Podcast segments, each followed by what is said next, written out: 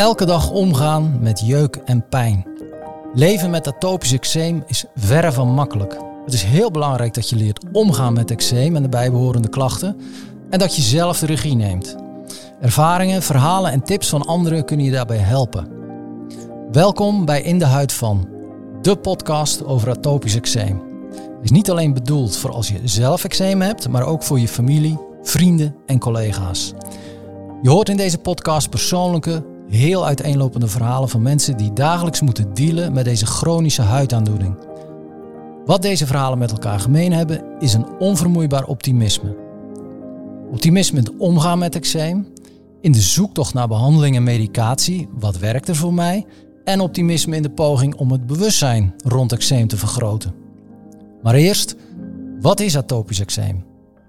Atopisch eczeem is een chronische ontstekingsziekte van de huid. Het eczeem ontstaat door een reactie van je afweersysteem. En het woord atopisch betekent dat je de erfelijke aanleg hebt om allergisch te reageren. Je hebt heel erge, soms extreme jeuk en een droge rode huid. Er kunnen blaasjes, kloofjes en korstjes ontstaan. Krabben helpt even, maar leidt tot nog meer beschadigingen van je huid. De huid wordt daardoor dikker, de jeuk neemt toe en zo ontstaat er een vicieuze cirkel. Eczeem is niet besmettelijk. We praten vandaag met ervaringsdeskundige Rob. Ik ben Rob Kooi, ik ben uh, in het dagelijks leven beleidsmedewerker OOV, uh, crisisbeheersing. Heb op dit moment ook piket, dus als Peter afgaat dan uh, moeten we er helaas van tussen. en doe dat fulltime. En heb daarnaast als vrijwilligerswerk taak binnen de vereniging fijne van mensen met constitutioneel eczeem. En hou me daar ook bezig met het zorgaanbod uh, via het zorgplatform in uh, Diemen. Zou je iets kunnen vertellen over hoe jouw eczeem begonnen is? Uh, nou, dat is begonnen toen ik al baby was. dus, dus daar kan ik heel weinig over de praktijk vertellen op dat moment. Hè, want die herinnering heb ik niet meer. Het is wel zo dat ik al heel jong ehm, opgenomen ben geweest in het ziekenhuis twee, tot mijn 2,5 dus ongeveer in het ziekenhuis heb gelegen. Met uh, behandeling met teer en dat soort dingen. Vastgebonden in een bedje. Ik heb daar gelukkig geen actieve herinnering meer aan. Dus ook geen trauma van overgehouden. Ik ken het alleen vanuit de verhalen van mijn ouders en vanuit het fotoalbum. Dus. En voor de rest, ja, eigenlijk tot aan een jaar of vijf, zes weinig last gehad. Daarna eens per jaar eens een keer een tubetje halen bij de huisarts. En vanaf eigenlijk uh, de leeftijd dat ik zo'n beetje militaire dienst inging, is het ernstiger geworden en gebleven. Dus. En wat, wat triggert jouw eczeem? Wat nou ja, een van de dingen is altijd stress. Hè. Dat kan zowel overigens positief als negatief zijn. Een van de voorbeelden positieve stress is de geboorte van mijn zoon. Uh, dat klapte eruit en uh, met eh, vier dagen lag ik in het ziekenhuis gedurende een maand. Um, maar ja, negatieve stress, ja, dat, dat is meestal bij mij niet acuut tussen de oortjes. Dat zou ook bij mijn werk niet passen. Nee. Maar het is wel iets wat je merkt aan je huid en dat je dan zegt van oké, okay, moet even een stapje terug doen, rustiger aan, dat soort dingen.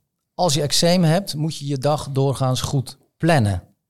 Kun je iets zeggen over jouw, jouw dagritme, jouw, jouw dagritueel? Hoe ziet dat eruit? Uh, eigenlijk is dat voor mij op dit moment een, een redelijk eenvoudig uh, ritme. Niet veel anders dan uh, de gemiddelde werknemer, zullen we zeggen.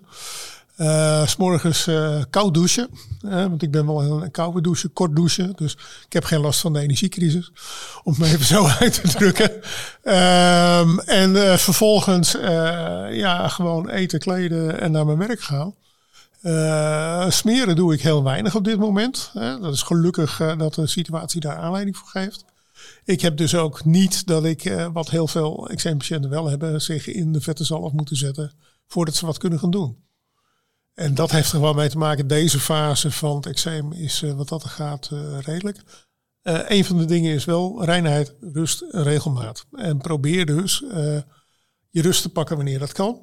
En uh, wees voorzichtig met bepaalde dingen te doen. Even gek gezegd, ik ben wel eens gevraagd voor Sinterklaas of voor uh, Zwarte Piet. Jongens, dat ga ik niet doen. Ik ga mijn gezicht niet vol smeren met allerlei spullen waarvan ik niet weet wat het effect kan zijn. Ja. Ja. Uh, je houdt een beetje rekening met zaken als alle, alle genen waar je tegen waar je last van hebt. Hè. Ehm, noem eens wat. Eh, ik ben iemand die wel klust. Maar ik zal nooit een dak gaan isoleren met glaswol, want ik weet hoe ik daarop reageer. Uh, dus daar hou je rekening mee. Een ander aspect wat je eigenlijk inmiddels zodanig verinnerlijkt hebt dat je het eigenlijk niet meer als een aanpassing ziet, is je kledingkeuze. Uh, katoen uh, en geen synthetische stoffen, geen wol. Maar dat, dat zit al zodanig in je systeem. Dat doe je al in mijn geval 60 jaar. Dus ja, daar, daar denk je niet meer bij na. Dat doe je gewoon ja, eigenlijk onbewust. Nou heeft eczeem dus veel impact op je dagelijks leven. Zeker. En hoe belangrijk is het daarbij om zelf de regie te nemen? Nou, het eerste, eerste waar je mee moet beginnen is het accepteren dat je het hebt. En bij, zeker bij constitutioneel eczeem, hè, wat aangeboren is, het je er neer, bij neerleggen dat je het hebt. En niet uh, blijven verzetten van ja, maar het moet verbeteren, dat soort dingen. Van joh, alles wat je gezegd wordt uh, van je groeit er overheen, hè, wat heel veel bij jonge kinderen wordt gezegd, dat is maar ten dele waar. Want meestal is het een, uh, periode die beter wordt. Hè, met een jaar of vier zijn ze dan vaak tussen aanhalingstekens eczeemvrij. Maar krijgt op latere leeftijd gewoon weer terug, wat ik zelf ook heb meegemaakt. Mm -hmm. Dus je geneest er niet van. En dat is ook alle middeltjes, zalven, pillen, wat er ook allemaal is aan aan, aan middelen uh, verbetert jouw DNA niet. want het is gewoon een foutje op je DNA. Wellicht dat we daar straks in, in uh, de latere jaren, over een jaar of tien, wel uh, wat op kunnen ingrijpen. maar dat, dat is gewoon de ontwikkeling van de medische wetenschap natuurlijk en het, het in beeld brengen van het genoom. Maar voor de rest is het een kwestie van accepteer dat je het hebt. Daarmee creëer je voor jezelf uh, rust. Daarmee kan je ook, als je, tenminste als je dat gegeven is, en dat heeft een beetje te maken hoe zit je geestelijk in elkaar. Ik ben ook altijd heel open en eerlijk uh, van joh, kom ik in een nieuwe omgeving van jongens, ik heb eczeem.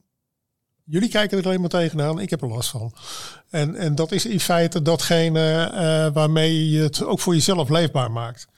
Als mensen komen van, ja, mijn zoontje of mijn dochter heeft uh, eczeem en zit op de kleuterschool en wordt eigenlijk door kinderen al heel snel gemeden. Ja, dat ligt ook vaak aan jezelf. Omdat je ze vaak dingen gaat ontzeggen. Hè, van, ja, ze mag niet in de zandbak. Ja, laat dat kind in godsnaam lekker in die zandbak uh, prutten. Ja, ja. Dat is een stukje ontwikkeling.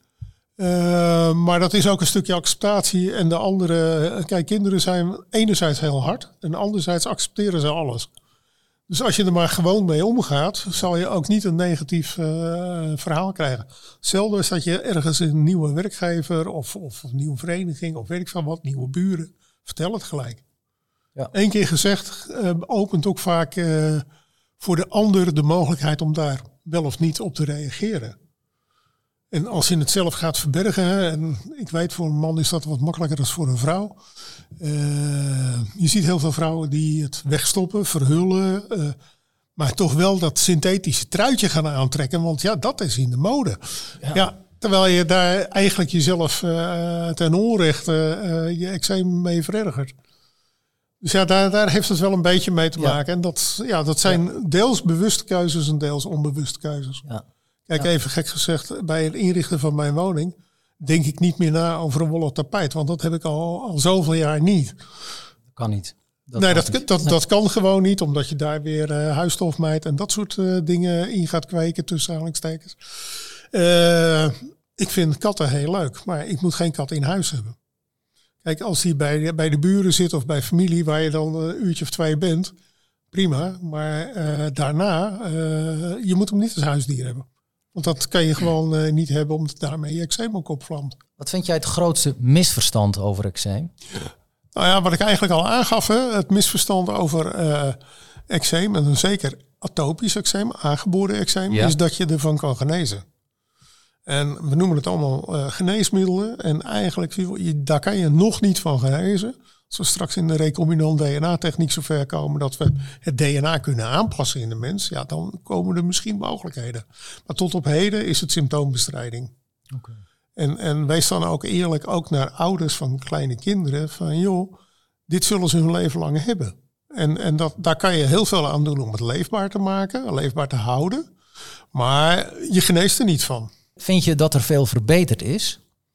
Qua acceptatie en ook qua behandelingen, waar je het ook nu nou, over hebt? eh, Ja, qua acceptatie ligt heel veel aan jezelf. Hè? Wat ik al aangeef, van hoe ga je er zelf mee om? Hoe open of hoe gesloten ben je daarover? Ga je jezelf verbergen? Hè? Dat is ook zo'n dingetje. Nou, dat heeft ook wel weer een beetje te maken met je eigen geestelijke gezondheid. Hè? Van hoe zit je zelf geestelijk in elkaar? Eh, ben je sterk of heb je er wat meer moeite mee? En de andere kant is van, joh, eh, we hebben een aantal geneesmiddelen waar heel veel eh, misverstanden over staan. Hè? De, de zogenaamde hormoonzalven. We hebben daar overigens eh, ruim eh, 60, 70 jaar ervaring mee. Dus we weten exact wat het doet en hoe lang. Maar tegenwoordig is het wel zo van, oh, hormoonzalf is eng. Ja, dat kan als het in een hele zware klasse is. Als het in een lichtere klasse is. Ik zeg altijd, je kan een kilo in een maand smeren. Dan heb je er nog geen last van. Ligt een beetje aan op welke plek. Maar uiteindelijk, daar kan je heel veel van gebruiken zonder daar echt uh, bijwerkingen van te hebben. Wat we wel merken is dat we de afgelopen, nou zeg even 20 jaar, heel veel nieuwere medicijnen hebben ont ontwerpen. Waarvan een aantal gebaseerd zijn op uh, plantaardig materiaal, hè, dus geen hormonen meer. Die bepaalde effecten hebben en de een kan er beter tegen dan de ander. Hè. Die hebben ook allemaal weer hun bijwerkingen. En wat we ook wel uh, hebben, is dat we heel veel uh, medicijnen nu aan toepassen zijn. Pillen hè, uit de transplantatiegeneeskunde afkomstig uiteindelijk. Die ingrijpen op je systeem, waardoor je de allergische reactie opwekt die in je onderhuidse tussenhalingstekens plaatsvindt. Dus binnen in je lichaam. En dat het dus meer is dan alleen maar de, de, de bestrijding van het aan de buitenzijde. Wil je meer weten hoe onze gasten met hun eczeem omgaan? Kijk dan op onze website In de Huid van. Dat is het platform over atopisch eczeem. Je vindt er slimme tips tegen jeuk, maar ook verhalen en een overzicht van alle mogelijke behandelingen. En vergeet niet, er is de afgelopen vijf jaar veel veranderd. Dus blijf niet zitten met je eczeem, maar kom in actie. Maak jouw eczeem bespreekbaar bij je arts en beslis samen welke behandeling het beste bij jou past. In de Huid van is een platform van Sanofi Genzyme en Regeneron voor en door mensen met atopisch eczeem in Nederland.